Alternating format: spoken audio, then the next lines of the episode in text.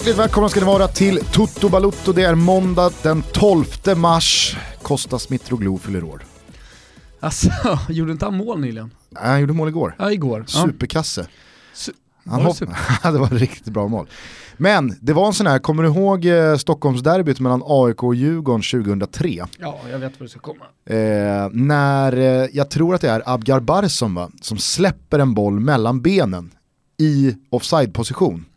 Men eh, domaren, eh, som jag tror är Martin Hansson, eh, menar då på att jag såg i Abgar Barssons ögon att eh, han inte deltog i spelet. Och så går istället då bollen fram till vad jag tror är Andreas Johansson. Eh, och sen så blir det mål och så blir det ju vilda protester då att eh, Abgar Barsson står i offside-position. Men han påverkar inte spelet. Ja. Eh, det var ett likadant mål igår som Marseille gjorde. Där eh, spelaren som släpper bollen mellan ben, alltså när det sker så är Mitroglou offside. Och i min värld så är ju det, även fast man inte rör bollen, så uppenbart att man påverkar spelet. Alltså backarna förhåller ju sig till att han släpper den.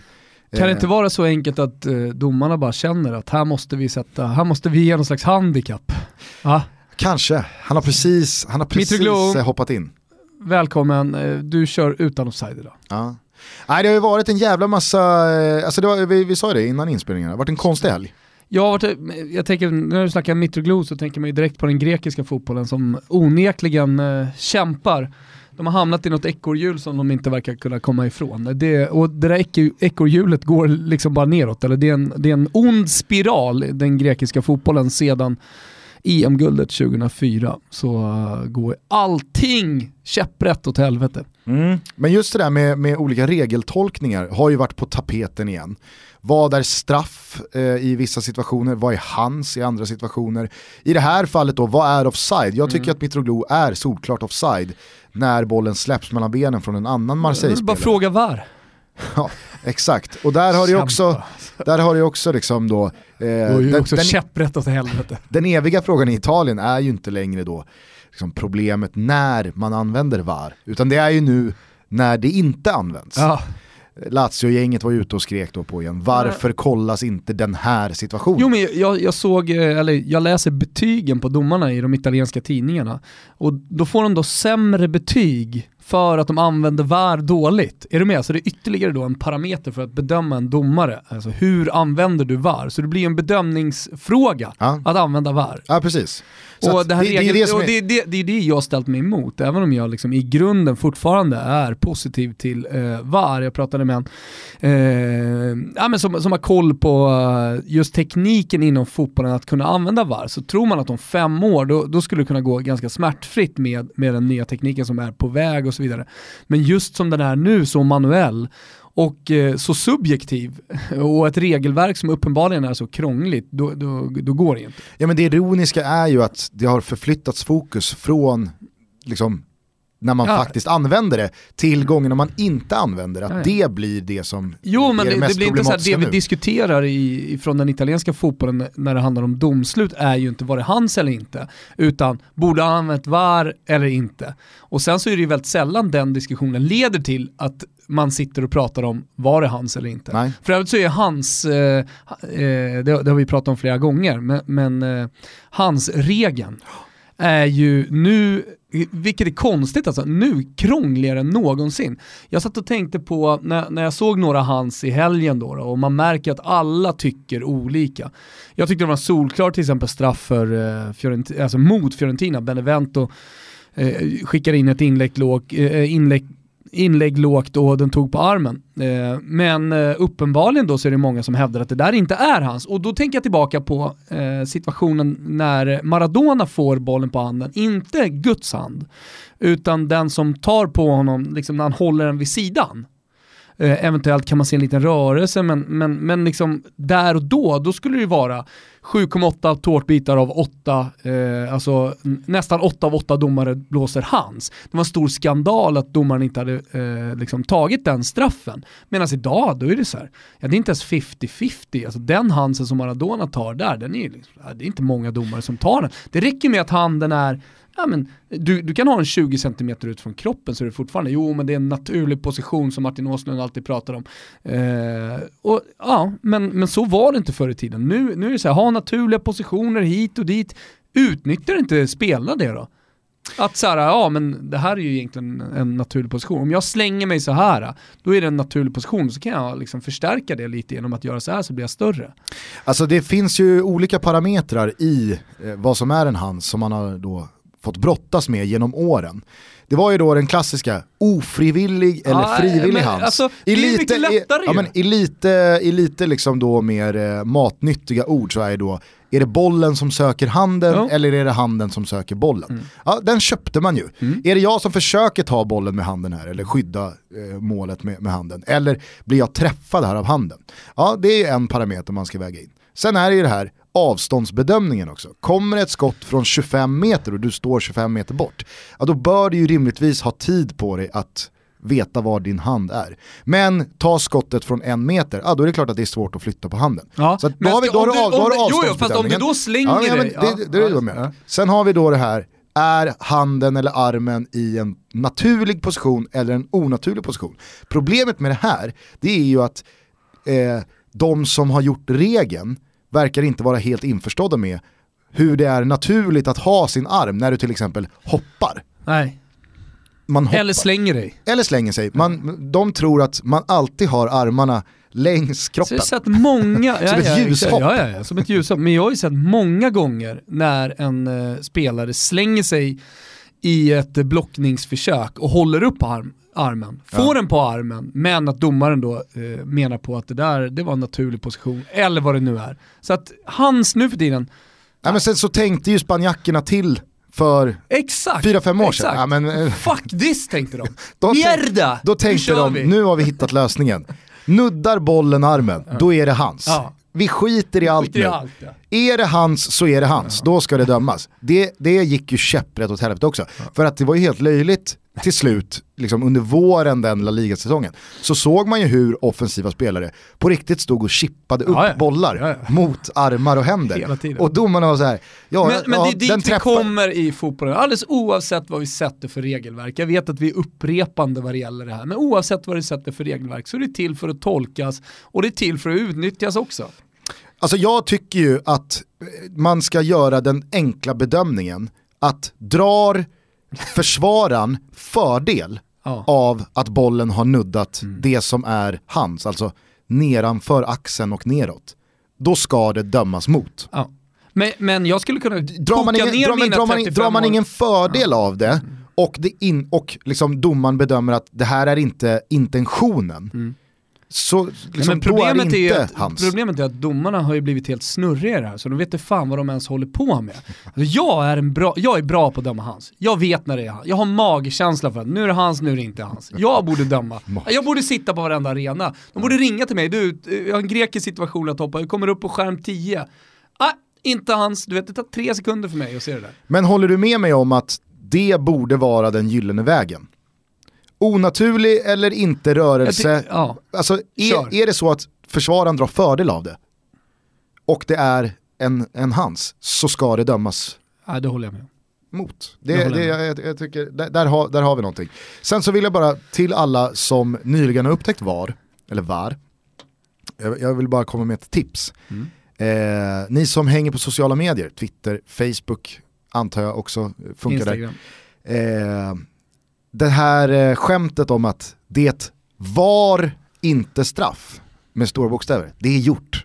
det, Det, det, det är är, det Ja. är inte läge att liksom fila på den tweeten, skicka ut den och tänka att jävlar vad sval jag är här nu. Tänk om, tänk nytt. Ja, eh, innan vi släpper det bara och går på svepet, såg du förra veckan så spikades det att det blir VAR i VM. Mm. Kan bli eh, många, Kan- jo, många, men- många fina stunder. Nej, men VM har ju ofta varit tidiga på alltså, nya regeländringar. Jag vet inte om du minns eh, VM 1994 när du har kollat i efterhand hur många röda kort som delades ut till höger och till vänster. Det var ju som precis kring VM 94, lite innan som man bestämde sig för att man skulle låta de här tekniska fotbollsspelarna, snabba fotbollsspelarna, eh, ja, man skulle skydda dem lite mer. Och sen mm. så har man ju pratat och utvecklat det jättemycket och det, det är ju i grunden bra. Men det gick ju käpprätt åt helvete. Det bara slängdes upp röda kort under VM 94 och jag hävdar fortfarande att eh, Jonas Terns röda i eh, kvartsfinalen, semifinalen. nej, semifinalen eh, är eh, fullständigt eh, idiotiskt alltså. Ja, men jag skulle, jag skulle, men jag skulle, också, jag skulle också komma till det röda kortet. För att det som har skavt i mig i snart 24 år, det är ju att Tern själv inte protesterar. Exakt, ja, ja men jag håller med! Var... Alltså, jag satt där inte då, jag sitter en, fortfarande inte en diskussion. och är vansinnig. Varför Jonas? Varför? Nej, det, är, det är semifinal sjukt. i VM. Ja, och ingen pratar om det heller. Det står 0-0. Det, det enda jag tänker på när jag tänker på VM 94, det är att Jonas Tern dels fick det röda, men som du säger att han inte protesterade heller. Helt otroligt. Hade de legat under med 3-0 och det var 83 då förstår jag att det är inte Absolut. lönt att ens... Liksom, jag går bara ja. av här nu. Men det står 0-0 och det är en halvtimme kvar. Tern, för helvete om jag någon gång träffar Jonas Tern så måste jag, så måste jag fråga liksom, ja. va, varför inte ens en protest? Mm. Nej men sen så har det ju varit silver goal, golden goal och allt möjligt sådär som inte har fallit speciellt väl ut. Vi får Nej, se vad, hur, hur VAR blir, men jag misstänker att det kommer bli eh, jidder. Ja, och jag tycker att det är konstigt att Fifa inte har mera öra mot asfalten i det här beslutet. Mm. För att det kan väl alla, även VAR-förespråkare, ändå ärligt sträcka upp händerna och säga att helt smärtfritt flyter det ju inte än. Så det kan, alltså varför men, hoppa på redan nu? Men vilka var det som röstade ner VAR? Var det Champions League inför nästa säsong? Det var ju några som valde att inte köra. Ja, Premier League har också röstat de, mot. Ja, de har röstat mot också. Ja. La Liga kör ju på från uh, i höst. Uh, Italien kör väl på. Tyskland kör väl på ja, Leigorna vänder där. Äh, men, ja. För jag menar England har ju testat det i uh, FA Cup ja. och uh, Liga Cup. Blivit väldigt utskälld. Alltså, det, senast här i matchen mellan Tottenham och Rochdale. Ja. Helvete! Mm. Det var ju parodi. Du, ta oss tillbaka till helgen, berätta vad det är som har hänt. Ja, Ett svep tack. Här kommer signalen. Vi börjar i Italien där det återigen spelades ligafotboll för första gången sedan Davide Astori avled förra söndagen. Förvisso begravdes han i torsdags men en minst lika viktig ceremoni utspelade sig på Fiorentinas hemmaarena Artemio Franchi innan och under matchen mot Benevento. Hemmalaget vann med 1-0 men det var kanske inte matchen i sig man kommer att minnas framöver.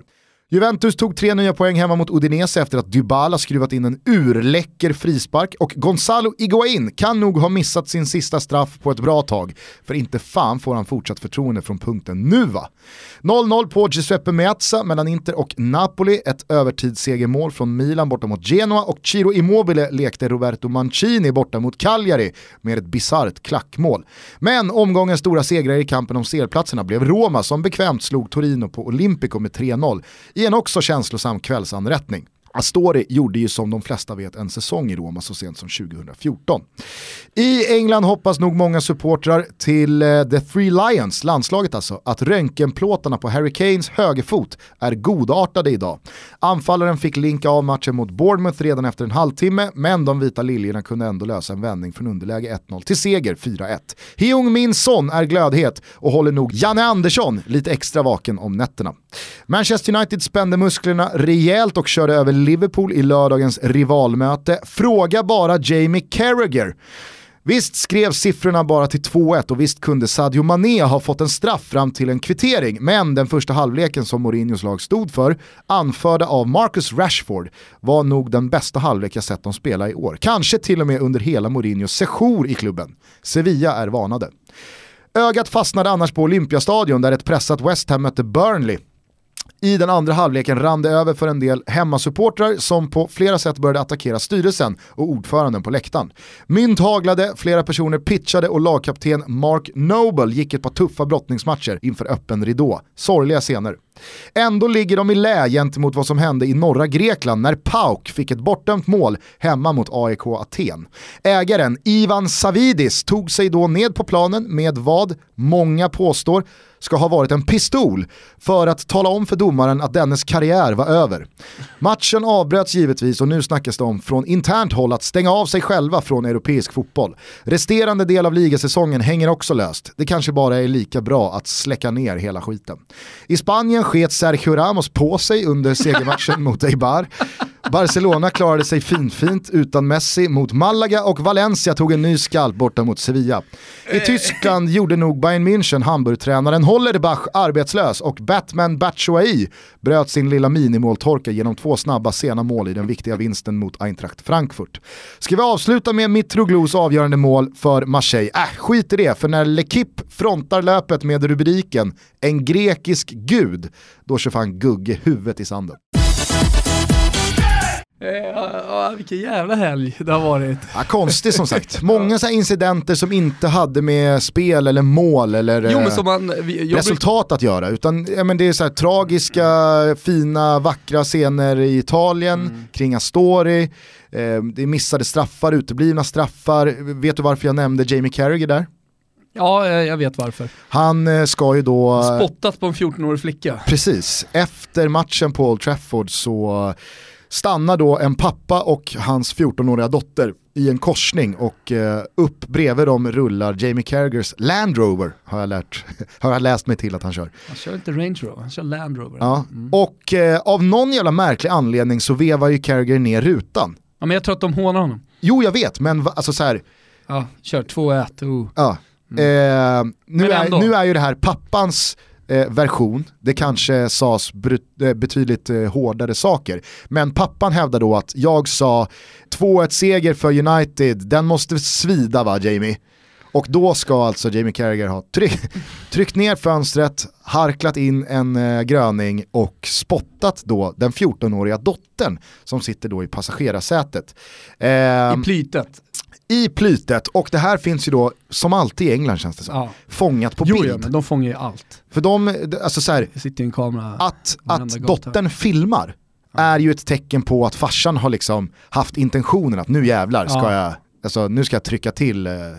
den här gamla Liverpool Har du sett den här filmen? Backen. Jag har inte sett eh, filmen men jag har sett bilden på och det här är ju också då igen en liten braskis i sammanhanget, att det är ju The Sun som kör det här på löpet. Och eh, de, jo, men jag menar finns det bilder finns det bilder.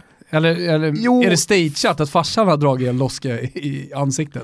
Kolla. Jag är ingen Photoshop-expert, men eh, loskan känns förstärkt hade det på varit, bilden. Hade det varit USA, då hade, man ju, då hade man ju verkligen funderat kring om det här var sant eller inte, oavsett om du säger att det är the sun. Uh. Men, men jag menar, så där stämmer man ju, det, det är ju den klassiska. Hon som drack kaffe på McDonalds och det var alldeles för varmt som brände tungan och stämde McDonalds på 500 eh, miljoner.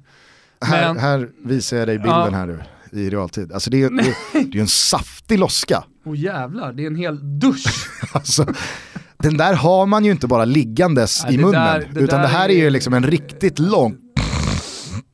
Om det är en, ja. Hur gick det? Jag fick tag, fick tag i mycket. Mm. Eh, mm. De är tydliga i alla fall. Carragher, spits at girl, komma 14. De kör alltid ålder ja. i engelsk media. Ja.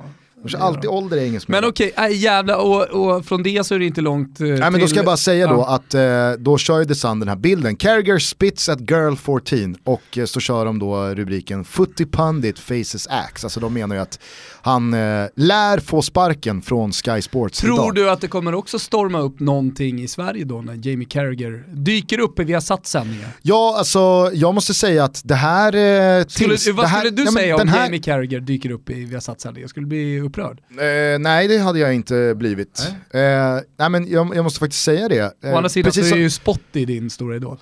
Precis som du nämner så gör ju Jamie Carragher ståer och efter matchen intervjuer för eh, svenska Viasats räkning mm. eh, i samband med Champions League och har så gjort sen i höstas. Va? Så det är väl klart att det är en liten situation här, men jag är förvånad över att i och med det inte har hört om det här mer i svensk media. Alltså jag har inte läst om det här på Expressen eller Aftonbladet eller på Twitter från svenska konton och sådär. Utan det här, den här informationen tillskansade man ju sig såklart genom Pavlidis eh, headlines. Mm. Men märkligt, eller hur? Alltså att, ja, jag menar att eh, Sergio Ramos sket på sig, det var ju kvällstidningarna ganska snabbt på. eh, och pistolen har man ju också kunnat läsa om det. Ja. Väl säkert alla som lyssnar på det här just nu eh, gjort då, men eh, nej jag håller, jag håller med dig. Men jag har å andra sidan inte lusläst alltihopa. Men jag Eh. tänker så här, Jamie Carragher har ju verkligen gått ut och be- bett om ursäkt. Jag är också skeptisk till att pappans egna ord av vad han sa till Jamie Carragher är skarvade till hans fördel. Men Sen alltså, så är- här är ju väldigt sen så- tydligt att det flyger en loska oavsett vad de säger. spottloskan är ju, eh, den, är- den är svår att försvara. Samtidigt så tror jag inte att den hade dottern som adress. Jo, men det och det spelar gör, ju, ändå- det är- ja, men det det gör är så- ändå någonting med mig. Nå, eh, okej då, men Det gör ändå skillnad att han spottar, alltså om intentionen är Alltså att spotta Zinedine- på en vuxen Zinedine man. Zidane har ju eftermälet efter VM-finalen 2006 inte liksom landat någonting, alltså folk har ju inte tagit hans parti mer bara för att Materazzis ord har blivit mer eller mindre officiella om att det var liksom syrran och mamman som skulle få sin omgång. Eller hur?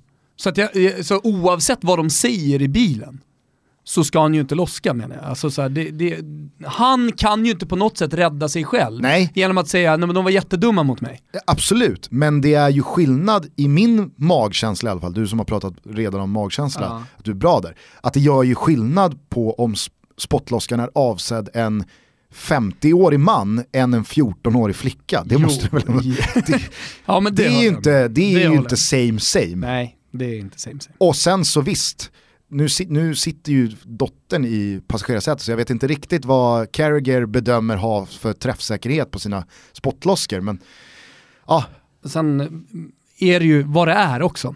Mm. Jamie Carragher i England. Det jag tänkte bara gå tillbaka eh, snabbt då till svepet här. Då. Du nämnde att eh, Iguain återigen missade en straff. Vet du vem straffen var officiellt? Ja, det var ju Dybalas. Ja, det var ju Dybalas Ja. straff officiellt. Nästa straff slår Dybala, om han är på planen, så enkelt är det. Ja. Alltså, det. Det råder liksom inga tvivel om det. han Eh. gav ju den till Iguain som att, kom igen här nu, ta den. Exakt. Vi leder Ja, ja, hemma nej, mot Udinese här. ja, precis, du behöver den här mer än vad jag behöver den. Vilket också på något sätt säger någonting. Sen är du inne på att prata om Immobiles eh, klack här. Jag hoppas alla har sett den, vi får slänga ut den på våra sociala medier annars, för den är fantastisk. Och den är någonting mer tycker jag än Mancinis. Alltså båda är ju fantastiska mål. Båda är mål också som man inte hade sett tidigare. Och det, det tänker jag på, så att när du drar det här svepet så händer det ju väldigt mycket i eh, fotbollseuropa den här helgen som inte har hänt tidigare. Det är väldigt mycket så här unika situationer, det är unika händelser som gör, du sa det innan så här, men fan vilket konstigt jävla svep det här blir. Eh, speciellt kombinationen av allting från eh, det vackra farvälet till David Astori på de italienska läktarna till att Sergio Ramos sket på sig. Ja, det blev ju bara Alltså, en så många, parentes. jag vet inte om du har lagt märke till det på slutet här, men, men jag har ju då på sociala medier blivit väldigt glad när det händer saker som man normalt sett inte ser. Till exempel indirekt frispark i straffområdet. Ja. Det händer ju så otroligt sällan. Eh, konstigt nog så blir det ju aldrig mål heller. Det är ju omöjligt, det står en jävla mur framför. Du kan väl eh, den mest klassiska indirekta frisparken? Eh, Bjärred, Andersson. När Ja. Patrik Andersson Skjuter avgjorde... ligatiteln va? Exakt. Ifrån Schalke Ja. till Bayern München. Men den är också så här, den är inte, den är inte, den är inte smart. Den är, och jag tror inte att det finns något smart sätt att göra det på faktiskt. Utan den är ju bara en brunkar, det, är- det är bara den ska in. Men jag tror också att det är, i det lilla Eh. skrala underlaget som finns, alltså Ja. i, i någon slags forskning som är indirekta frisparkar, så är ju pet och mörsa, tryck bara allt Ah, du Det är har. en, det enda sättet. Det är nog den bästa att- taktiken Ja, du jag kan tror också det. Gärna i huvudhöjd använda. tror jag är, är bra. eh, så folk kanske tar undan ansiktena eller studsar in. Eh, nej men, och, och sen så händer, just de senaste veckorna så har jag varit väldigt på de här grejerna och tyckt att det är lustigt. Och så händer den här helgen. Ja. Det är som att man har fått små tecken hela tiden den senaste månaden och eh, ja, så brakar allting samman. Ja. Nej, men det var ju, eh, så, som jag skrev i svepet här, otroligt sorgliga men också ovanliga scener från Olympiastadion i London. Alltså när West Ham-supportrar pitchar och Mark Noble brottas med supportrar. Äh, Det, det var bara så Ja, här, men så- vad fan är det här? Ja, men det var också ovanligt, extra ovanligt i och med att det är England. Alltså hade det där varit Grekland, då hade man ju ryckt lite på axlarna. Ja. Vardag. Jag menar nu när presidenter går ner på planen med pistoler och, och, och liksom hotar upp domaren till livet. Men det är sjukt, alltså så här, ja, och, Med Niklas Hult på planen. ja, Judas Niklas Hult som eh, har då vänt tillbaka till eh, Aten men gått över till AIK Mm. från Panathinaikos. Nej men att, att han går ner, nu ska vi ju säga då, det är inte bekräftat att det var en pistol. Det kan ha varit en attrapp. Det gör väl någonting i, i så här. Men man ser ju också Ja, det- på säkerhetspersonalen, man ser deras desperation lite när han börjar liksom ta bort jackan och börja fingra i byxmynningen. Varför har han en pistol på sig? Varför jag är, inte? ja, men, va, alltså, Han lever väl under något slags hot? han ska på match. Alltså, Ja, oh.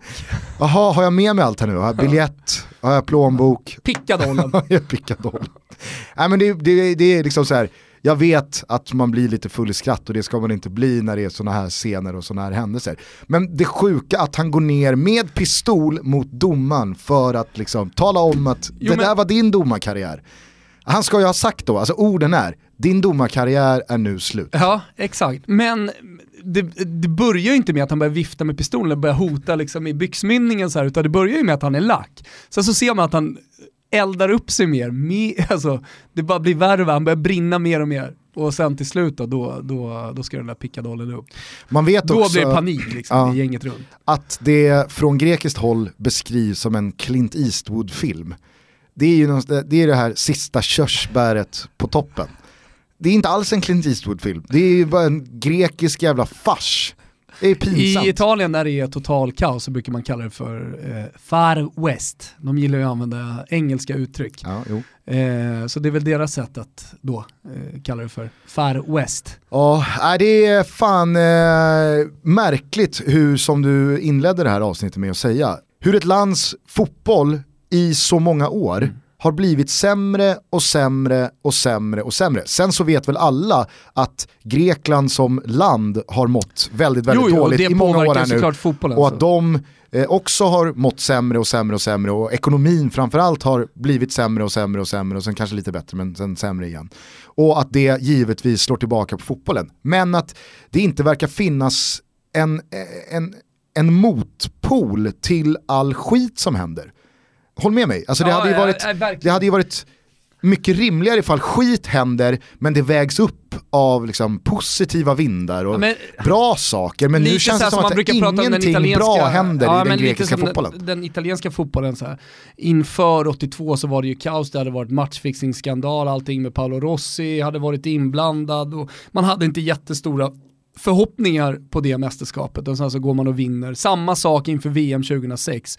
Och då någonstans så slår man ju fast att den italienska fotbollen den är som bäst när, när allting bara rämnar, när allting går åt helvete. Och så reser man sig och så eh, på något sätt så, så eh, gaddar man ihop sig och, och blir starkare i den svåra situationen. Eh, om det nu har blivit liksom ett epitet för den italienska fotbollen. Det var väl exakt samma snack innan eh, 2006. Framförallt efter Nej men jag då, sa när det, de vann. det, det jag sa precis. Ja, eh, ja, men jag trodde du 2006. skulle tillbaka till 82 där. Ja men först 82, men jag Ja. sa det, sen var det samma sak med Calciopoli inför Ja. 2006. Alltså det, det var precis eh, samma, det var ju, då brann ju Calciopoli, det var ju precis när alla eh, telefonavlyssningar med Moji, med domarbasen eh, och eh, med, med alla, alla som sedermera blev dömda, när de också citerades i tidningarna. Så att hela uppladdningen inför VM 2006 var ju så. Eh, en light-version av det var ju 2012 när Prandelli ledde landslaget och man tog sig, trots eh, var det Calcio Scomesse? Ja precis, då hade det varit den, den största spelskandalen sen då, eh, tidigt 80-tal. Kanske den största skulle man kunna faktiskt peka på i och med att det var så högt upp. Conte blev dömd till exempel. Eh, men, men liksom hela vägen upp i Serie A. Eh, Crescito blev fimpad från truppen. alltså, ja, han, han, han fick liksom bära hundhuvudet fast han inte hade gjort någonting. Det är fortfarande otroligt. Ja. Nej, men, och, och, även fast det händer inom den italienska fotbollen så varvas ju det hela tiden med Exakt. extremt bra sportsliga prestationer Precis. eller att folk eh, tar en kamp eller en diskussion kring eh, det korrumperade eller vad det nu kan vara. Men i Grekland så känns det som att det har varit downhill sen Otto Rehagel och grabbarna fixade ett EM-guld 2004. Och idag så, alltså så här, när, när Grekland nu, efter det här, börjar prata om så här, det kanske lika är bra att stänga ner ligan för resten. Vi, vi skiter bara i det. Vi kör att Men ligan är över. hopplösheten, de som verkligen drabbas här, det är ju supporterna. Jag menar fatta hopplösheten om du, är, du, du, du håller på pauk i det här läget. Det är ju liksom... Det var väl väl PAOK-supportrarna som körde den, jag skulle inte vilja beskriva den som klassisk, men den ibland beprövade övningen att så här, eh, köra masochist-grejen, att bara riva sönder hela sin egen stadio. Mm. Alltså de plöjde ju upp gräsmattan och bröt sönder mm. alla stolar och rev målburarna för något år sedan. Du fattar ju hur långt desperationen liksom. har gått då också som supporter. Jag menar vi står inför en allsvenska här nu. Och jag tror att eh, de flesta som lyssnar på det här känner någonting med något allsvenskt lag och eh, känner att det bubblar i kroppen, det har varit kvartsfinaler i Svenska Kuppen eh, och ja men som sagt allsvenskan närmar sig. Fan vad kul det ska bli, man ser fram emot vårmatcherna, man ser fram emot att träffa kompisarna, ta en bira innan och, och man är lite spänd inför säsongen. Hur ska det egentligen gå? Medan man i Grekland då har, har ju, alltså, tappat allt. Alltså har man några som helst förhoppningar om något sportsligt? Eh, är det ens kul att gå på fotbollen överhuvudtaget? Eller är det bara hat och mörker som, som präglar tillvaron som, som eh, grekisk fotbollssupporter? Det, det, ja, jag tycker att jag vill ändå landa där någonstans, det är de som får lida för det. Men de har ju ett ljus i tunneln. Jaså. Kostas Mitroglou. Grattis på födelsedagen. Grattis. Vi är sponsrade av Kanal Digital och de vill verkligen fortsätta puffa för deras nya UHD-box OnePlace. Och det tycker jag verkligen de har fog för att göra. Ja, det är ju framtiden. Ja, men det är ju nämligen Sveriges första Android-TV-box. Och ni har ju, ifall ni lyssnar på Toto Balotto slaviskt, vilket vi vet att många gör, mm. lärt er vid det här laget att eh, det här är en box som sömlöst samlar alla typer av eh, tv-underhållning på ett och samma ställe. Toto Balotto! Exakt, det är vanlig linjär live-tv, det är filmer och serier från playtjänster och det är appar och spel från Google, till exempel YouTube då, eller SVT Play. Vad använder ju jag väldigt mycket va, med, med kidsen. Jag har ju min yngsta dotter Florence, hon är inne på YouTube och kollar på eh, de här barnsångerna. De bara rullar hemma. Är det Arne Alligator och Arne Babblarna? Alligator går på alla gator. Ja, skrämmer ja. alla djur.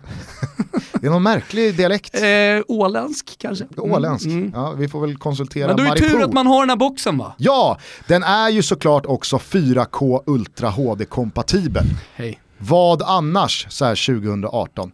Man kan söka på allt innehåll också med Google Voice Search. Man snackar bara rakt in i fjärrkontrollen. Alligator. Du kanske står där med en skrikande Florens, eh, Arne Alligator dundrar på på högsta volym.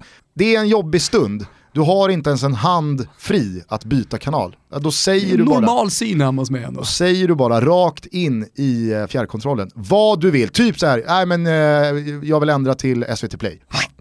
SVT Play Boom. på tv. Eh, man kan läsa mycket mer om det här och eh, den här fantastiska innovationen och tv-upplevelsen på kanaldigital.se. Hörni, tack till er. Tack. Vill du eh, bara mm, recapa lite av det som hände på Stadio Artemio Franchi i, igår? Ja, För de som inte såg, jag menar Fiorentina Benevento hade ju om, man, eh, om David Astori inte hade avlidit så hade det inte varit helgens mest tittade match. Nej. På svensk tv. Nej. Men nu var den ju väldigt, väldigt intressant eh, att följa. Mm. Eh, och det kändes viktigt att följa. Mm. Eh, Sen är det frågan om hur många som gjorde det i slutändan. Precis, men, så att, eh, men, kan du inte berätta nej, lite vad som hände? Ja, absolut. Jag följde allting från två timmar innan matchen. Eh, det som slår mig där till exempel, eller det första som slog mig när jag satt och, och följde Skys sändning, var ju hur jävla skickliga de är i Italien på, eh, och nu pratar jag om från tv-håll, på att verkligen eh, skildra stämningen på plats genom rutan. Det är oerhört ödesmättat i, i studion, vördnadsfyllt, eh, man, man pratar inte om det sportsliga.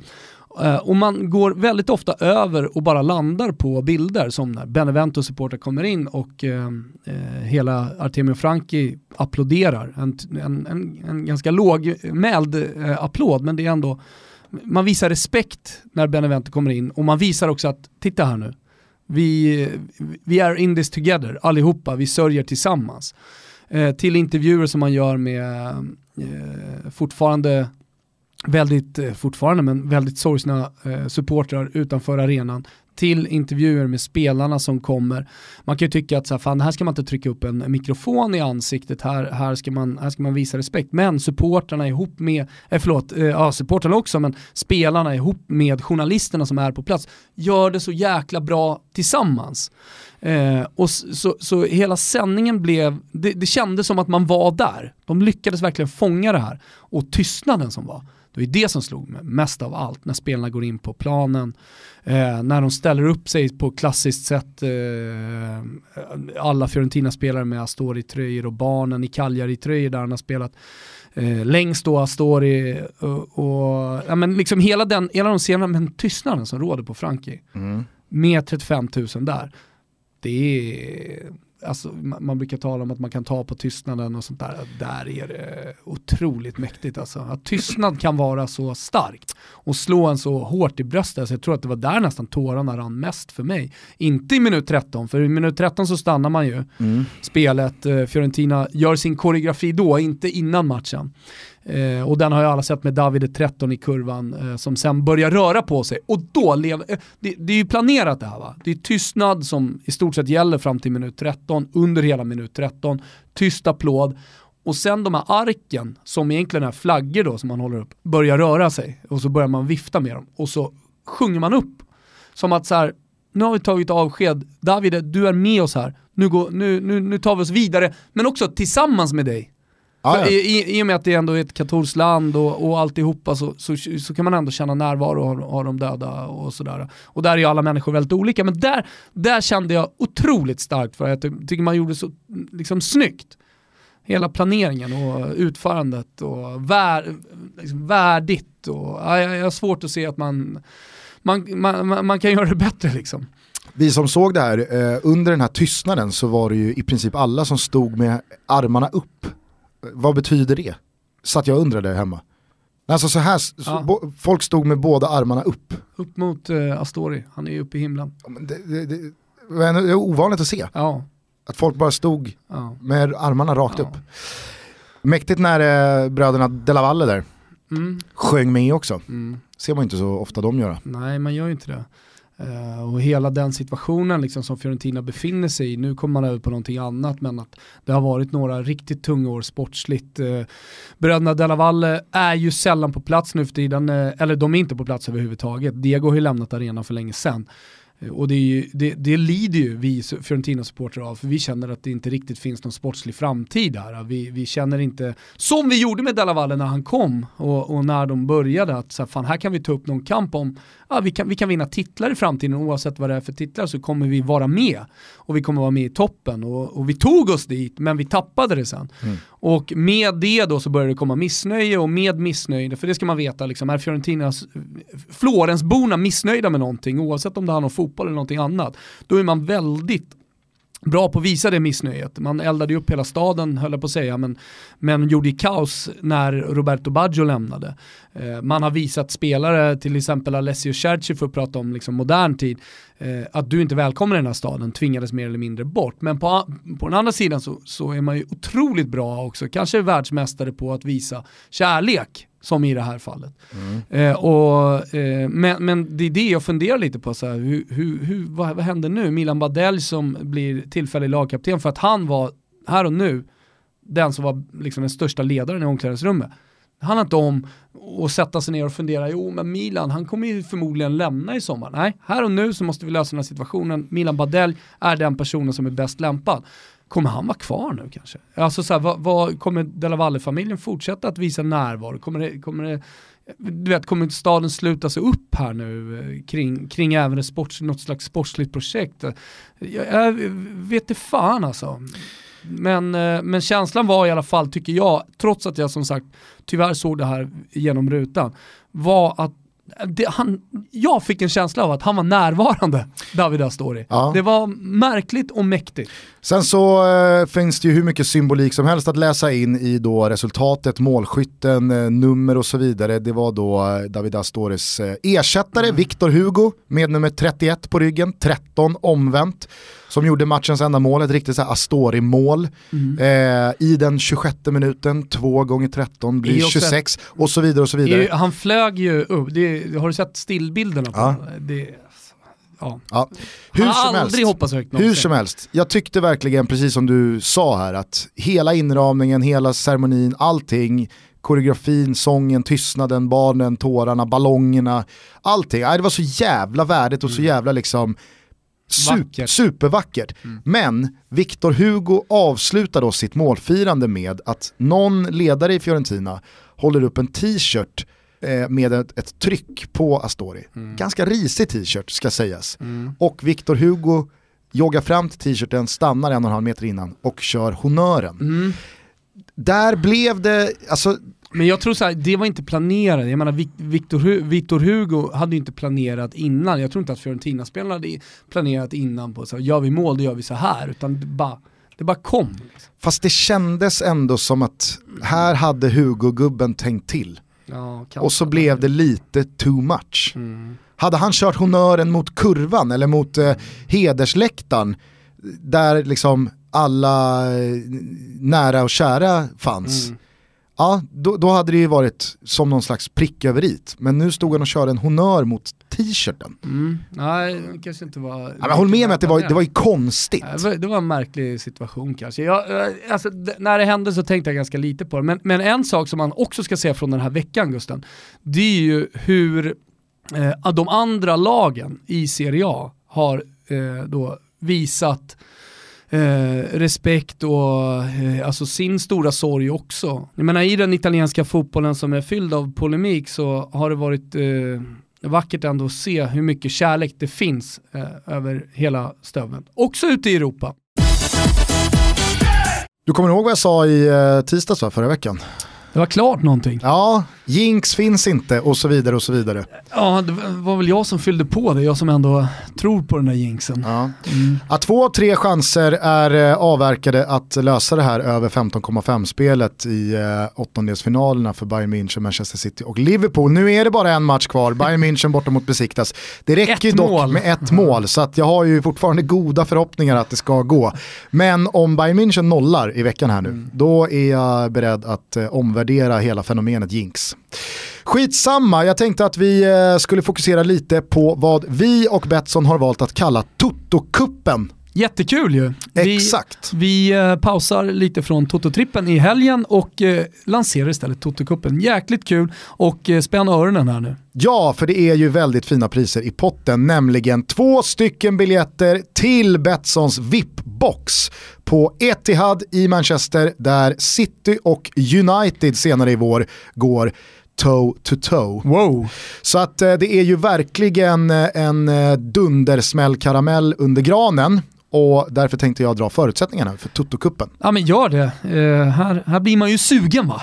Man eh, måste ha ett konto på Betsson.com. Det tror jag är en förutsättning som alla ändå ställer upp på. Ja men ganska enkelt. Det är bara att gå in på Betsson.com och skapa ett konto. Så Precis. man där. Och kuppen är sen då uppdelad på tre stycken dagar. Fredag, lördag och söndag. På dag ett, alltså fredag, då ska man hitta en singel som får ha lägsta odds 1,50.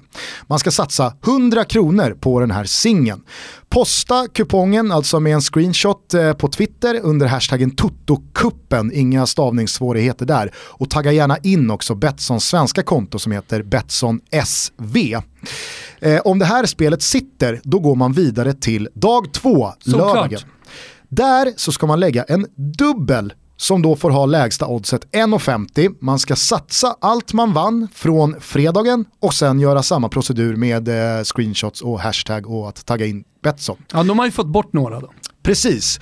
Om dubben då sitter, då går man vidare till finaldagen som är söndagen, nämligen dag tre. Och vad tror du man ska lägga då? Ja, det måste vara en trippel va? Precis, under söndagen ska du då lägga en trippel med lägsta odds 1,50 och man ska satsa allt man då vunnit från dubbeln dagen innan. Posta Valfritt på odds. Mm. Twitter. Vad är 1,50 är lägst? Ja, ja precis, men uppåt så att säga. Uppåt är det valfritt. Mm.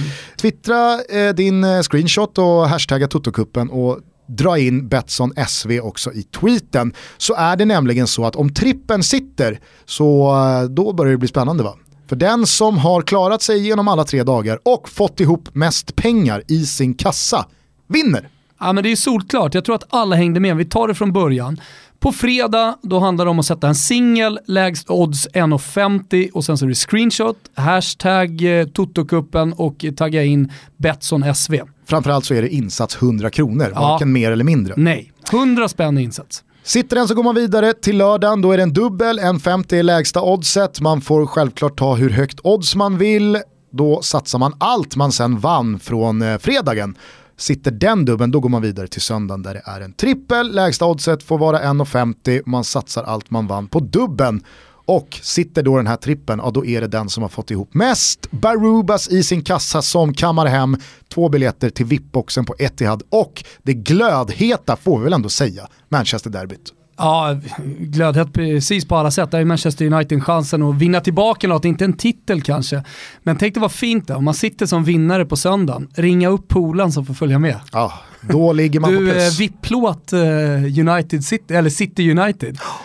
Helvete. Ja. Mm. Vi drar igång på fredag, Toto-kuppen alltså. Vi pausar Toto-tripplarna den här helgen och eh, det här är ju verkligen ett eh, ja, men det, det, det, är ett generöst pris och en kul spelform. Ja, jätteroligt. Lite snöbollsvarianter för någon som är bekanta med spelsnacket. Eh, men, men som sagt, roligt. Och man kan ju börja redan nu då eh, fila på, jag tänker på fredagsmatcherna. Det är inte så att utbudet är enormt på Nej. fredagar. Så då kan man ju redan nu då börja sitta och fila på vad man ska spela. In på Betsson.com och joina Toto-kuppen. Eh, ska vi säga någonting kort om eh, jättematchen och mötet där mellan eh, Manchester United och Liverpool? Jag sa ju i svepet här att jag tyckte att United kanske gjorde sin bästa halvlek mm. eh, någonsin under Mourinho. Första halvleken var ju, äh, det var ju som att se gamla United. Ja, jag skrev det i min krönika också. Jag tyckte verkligen att det, att det var ett gammalt, gott, stort, tungt eh, United. En riktig vinstmaskin som bara liksom med kraft mosar ner motståndarna. Eh, och det räckte ju med 45 minuter eh, egentligen att visa en sån prestation för att jag i alla fall ska tro på att Mourinho fortfarande har det. För att jag ska tro på att Manchester United under Mourinho kommer kunna vinna en Premier League-titel inom en snar framtid. Eh, och sen så självklart så kan man göra paralleller som man alltid vill göra till det ekonomiska, att de har satsat lika mycket pengar eller liksom i runda slängar som Manchester City. Oh, men jag tror också att man ligger lite längre bak i sin satsning, alltså man, man, man har nog något år innan man liksom når sin max under den här Mourinho-satsningen. Eh, samtidigt som eh, Liverpool inte har eh, liksom, eh, samma ekonomiska förutsättningar att, eh, att satsa så stort och och ska hyllas för det och för sin säsong. Men, men, men det är ju också så här, alltså, fråga vilken Liverpool-supporter som helst och det måste ni hålla med om nu, ni som lyssnar, även 60-talisterna. Eh, där man alltid ska vara så här rimlig i sina resonemang kring fotbollen. Eh, alltså det som Erik Niva är så skicklig på och, och liksom beskriver att det Tottenham gör är helt fantastiskt, det Liverpool gör är helt fantastiskt. Eller rimligt i alla fall utifrån sina förutsättningar. Jo fast fansen vill ha en titel. Alltså det, det, det, är inte så att Liverpool-supporterna, trots att det inte regnar titlar i, i, i Liverpool, så, spel liksom, snart tar tålamodet slut. Det är så. Mm. För att Liverpools självbild är att vi ska vara med och slåss om, eh, om Premier League-titeln. Vi, vi, vi ska vinna de här titlarna precis som vi ska konkurrera med United City, skiter i pengarna där. Samtidigt som jag tror att alla Manchester United-supportrar, de eh, avslutade nog den här matchen med känslan av att Ja, ska vi vara ärliga så har nog Liverpool spelat en mycket bättre och roligare och trevligare fotboll än vad vi har gjort de senaste åren. Men det är nog ganska gött ändå att vinna. Ja. Alltså att, vara, att supporta det laget som faktiskt jo, vinner den här matchen. Men sen tycker jag så här, när man pratar om att ja, men Liverpool har bollen väldigt mycket och Eh, de, de skapar chanser där i andra halvlek. För det första tycker jag inte de skapar speciellt mycket chanser. Eh, jag menar visst, de trillar bollar, men, men, men det, det som landar i mig efter den här matchen det, det, som är det stora är ju hur Mourinho taktiskt disponerar. Man gör sina mål i andra halvleken, det är inte konstigt att, att Liverpool får äga bollen väldigt mycket. Men eh, man kommer till den här sista tredjedelen och sen är man på ett Juventus-sätt, ett italienskt catenaccio, gamla Mourinho i Inter-sätt. Eh, väldigt tajta i boxen. Alltså man kommer inte till de här superlägena. Nej. Och visst, jag hör Klopp efter och jag, jag vet att Liverpool-supportrar tänker de jo men vi bara fått den där straffen, det där borde ha gått så här och så här. Jo, det spelar liksom ingen roll i slutändan. Jag tycker att, att José Mourinho efter det som har varit ändå kommer tillbaka här. Och någon som kom tillbaka så var det ju Marcus Rashford. Som Jo, han första, kommer ju tillbaka av många anledningar, höll jag på att säga. Han han Nej, han startade ju gör- första gången. Gör sin första start 2018 och i svallvågorna av eh, det, det stora nyförvärvet i januari, Alexis Sanchez, eh, att det har pratats väldigt mycket om eh, Martials, då vara eller icke vara i startelvan, eh, en Paul Pogba som är både in och ut och upp och ner och Skadad, inte skadad. skadad, inte skadad. Lukaku som har fått väldigt mycket skit, gjort en del mål och fina prestationer här på sistone, men att det kändes som att ja, det, det är ju Marcus Rashford som är, han är ju skillnaden Mm. eh, mellan lagen här. Ja, ja jo, han, han är skillnaden tillsammans skulle jag säga med, med Lukaku för att, och Mourinho. De tre tycker jag ändå är så nyckelspelare. Okej, man skulle också kunna hävda att eh, sättet man tar bort Mo Salah eh, på, eh, på något sätt inte bara är taktiskt utan även är individuellt skickligt, skickligt försvarsspel. Att det är också det. Men jag skulle ändå vilja hylla de tre gubbarna. Lukaku, det är ingen slump att bollen kommer till honom att han vinner den nickduellen. Det är ju någonting som han har studerat såklart. Bollen skickas mot honom, han vinner den nickduellen. Ja men där har ju såklart Mourinho sett innan, vänta här nu. Mm. Mot Lovren så vinner Lukaku sju av tio närkamper. Han vinner två och det leder fram till de här två målen. Och sen så gör ju Rashford det bra såklart också. Nu förstår jag vem du pratar om, men det var kul att du sa Louvren. Sa jag Lovren? Ja, Ja, Jag tänkte på museum. exakt, Ja. där Mona Lisa hänger. Ja. Men eh, nej, det är Dejan Lovren Ja. som eh, du eh, menar. Du, eh, såg, du, eh, såg du några av kvartsfinalerna i Svenska Cupen? Jag såg Östersund och jag såg första halvlek på Malmö. Eh, behöver inte nämna några namn här, men en viss GP-journalist eh, ifrågasatte ju eh, IFK Göteborgs-supportrarnas eh, flagga som de hälsade Malmöspelarna missat välkomna helt. med.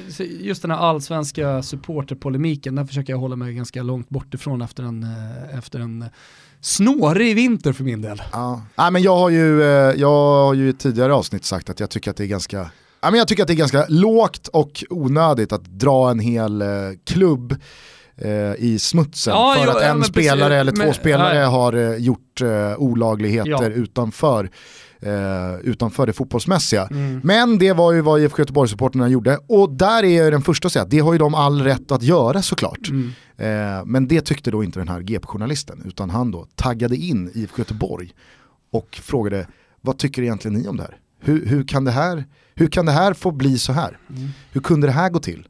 Ja, alltså supportrarna tänkte att nu ska vi trycka till Malmö FF med att eh, de är en pedofilfostrande klubb. Mm. Så att vi trycker upp den här flaggan och sen så kommer vi hålla upp den. Men eh, den hissen gick inte hela vägen upp hos Nej. den här journalisten då. Nej. Och han då tyckte, hur fan kan det här? Men var det inte så hur, att han, hur, hur kan det få nu gå till inte så här? jag, Som sagt, nu har inte jag följt det här, var det inte så att han bara menar så här, hur, hur tänker ni agera? Var det inte så han menade?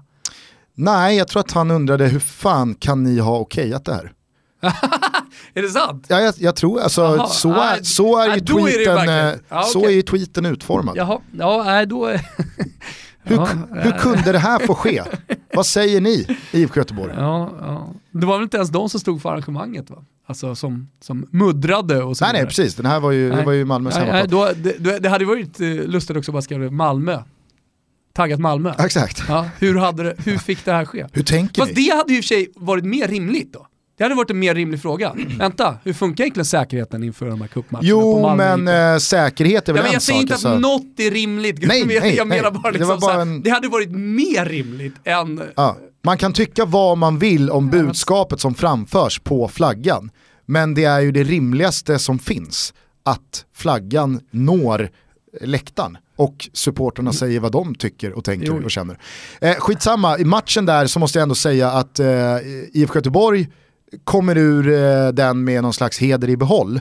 Eh, jag pratade med eh, en av två skapare av den eminenta podcasten om IFK Göteborg, nämligen BB-podd, Jocke, i, i helgen. Och han Säger sa... man BB-podd eller säger man ut blå, bara Blåvitt? Nej men BB-podd. Okej. Det låter ju, låter ju som en annan slags podd i mina öron.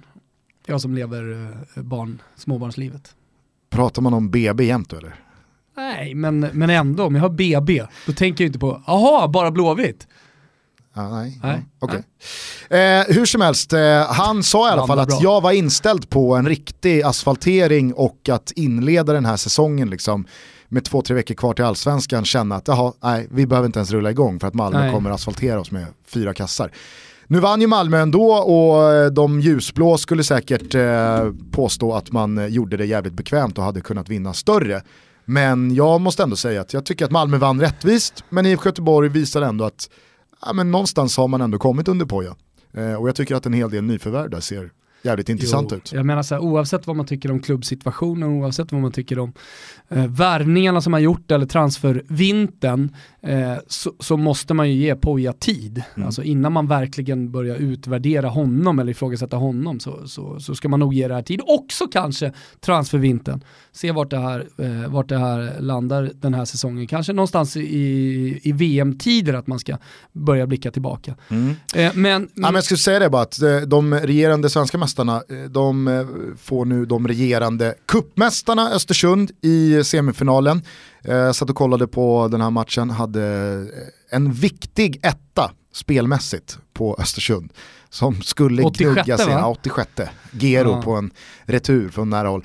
Östersund guys där, jag tyckte väldigt, alltså så här, ja, guys står väl upp bra defensivt, absolut. Sen så kan ju Östersund, spelar om den där matchen så har Östersund avgjort eh, efter en Ja, det blir ju knapp timme. fler, många, det blir många ju gånger. fler gånger eh, en större vinst än det blir oavgjort. Ja, sen så vet jag att guys eh, de förtjänar all cred efter sitt gruppspel som löser avancemang Mm. med både Elfsborg och Bayern i gruppen. Boskorovic är ju en supersympatisk tränare så jag fattar att man har nära eh, till de positiva vitsorden Mm. kring guys. Jag tyckte dock inte guys gjorde en så jävla bra match. Alltså, det, var, det var spel mot ett mål i 90 minuter och det handlade En teknisk överlägsenhet där som skapar den matchbilden. Framförallt så slog det mig vilken skillnad. Vi pratade ju om eh, Barzagli och eh, Curtis Edward Mm. förra veckan.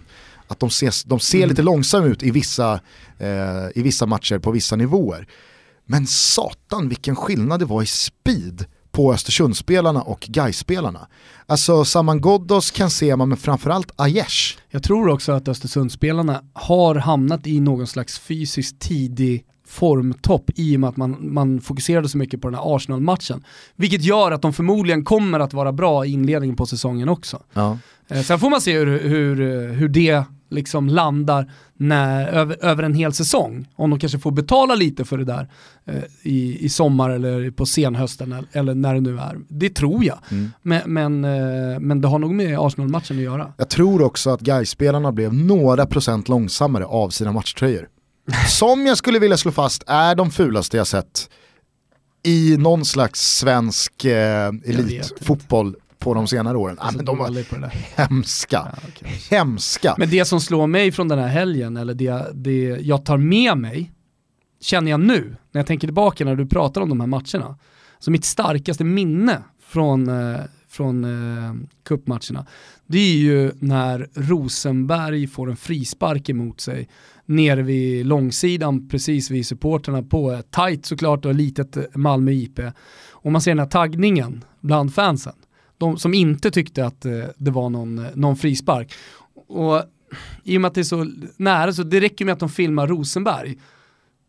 Så så är ju de två, tre meter bakom. Så Mm. ser du ansiktsuttrycken, du kan till och med läsa på läpparna vad, vad de skriker. Att det, det är nästan en överladdning nu inför den här säsongen. Alltså man, man har längtat så mycket efter matcher som betyder någonting. Först, ja, fan, det ska bli intressant att se dem på försäsongen, man följer transferfönstret och sen så kommer gruppspelet. Men här mot Göteborg, då var det på riktigt och det märkte man verkligen. Ja. Så jag om- fick någon så här, ja, det var ett vårtecken tycker jag. På tal om Rosenberg där, så efteråt så sa ju Amina Fane då på frågor kring hans dust med Rosenberg att ja, Rosenberg eller vad han heter. Och det kan ju vara så här, ja men du vet, nu, nu vill, nu, jag, jag- vill inte vara allt för fördomsfull här mot Afane, men känslan är ju att Afane vet inte riktigt vem Marcus Rosenberg är. Hade, det, hade Sebastian Eriksson sagt så, ja, men så hade det varit liksom mind games, eller som när Micke Stare kallade, dåligt, så. när eh, Micke Stare kallade Rasmus Elm för nummer 18 och så vidare. Men när Afane sa så, så kände jag, äh, rimligt om Afane inte vet vem Marcus Rosenberg är. Ra- Rosenberg eller vad vad han heter.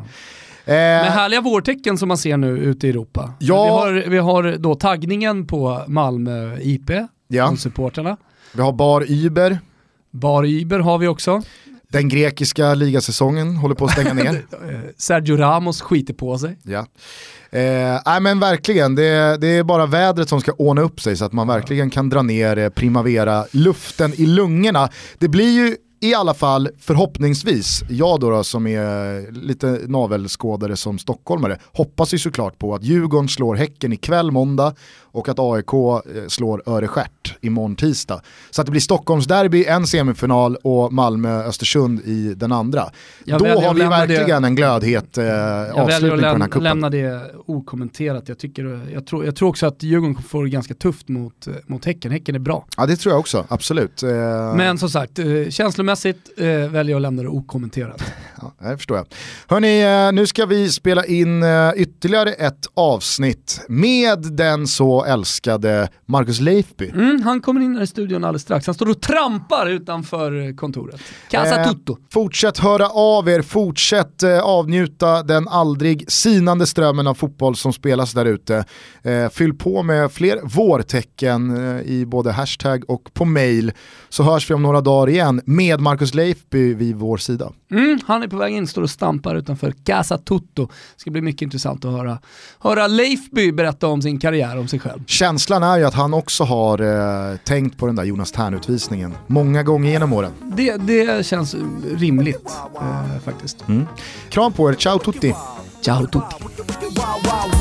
Jim West, Desperado, Rough Rider. No, you don't want nada. None of this. Six gunning this, brother running this. Buffalo Soldier. Look, it's like I told you. Any damsel that's in distress, be out of that dress when she meet Jim West. Rough neck, so go check the law the abide. Watch your step will flex and get a hold on your side. Swallow your pride. Don't let your lip react. You don't wanna see my hand where my hip be at. With Artemis from the start of this, running the game. James West, taming the West. So remember the name. Now who you gonna call? Not the GB. Now who you gonna call? If you ever riff with either one of us, break out before you get bum rushed at the Wild Wild West. When I roll into the Wild Wild West. When I stroll into the Wild Wild West. When I bounce into the Wild Wild West. Cisco, Cisco. Wild Wild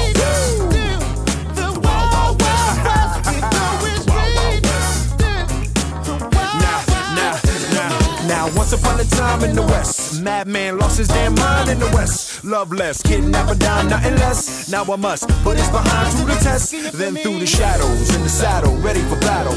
Bring all your poison, it come to poison. Behind my back, all that riffing you did, front and center. Now where you lip back, kid? Who that is? A mean brother, bad for your health. Looking damn good though, if I can say it myself. Told me Loveless is a madman, but I don't fit that. He got mad weapons too, ain't trying to hear that. Trying to bring down me, the champion, when y'all clowns gon' see that it can't be done. Understand me, son. I'm the slickest they is. I'm the quickest they is. Did I say I'm the slickest they is? So if you barking after wrong tree, we coming. Don't be starting nothing. Me and my partner gonna test your chest, loveless. Can't stand the heat to get out the wild, wild, wild, wild west. When I roll into the wild, wild west. When I stroll into the wild, wild west. When I bounce into the wild, wild west. Uh, uh,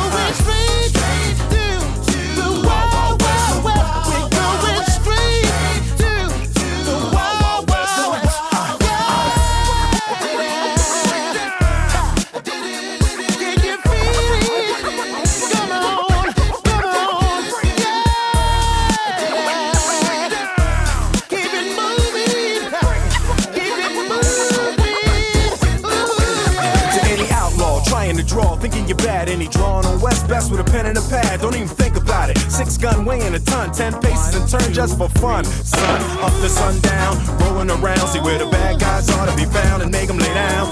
The defenders of the West, crushing all pretenders in the West. Don't mess with us, cause we in the Wild Wild West. When I roll into the Wild Wild West. When I stroll into the Wild Wild West. When I bounce into the Wild Wild West.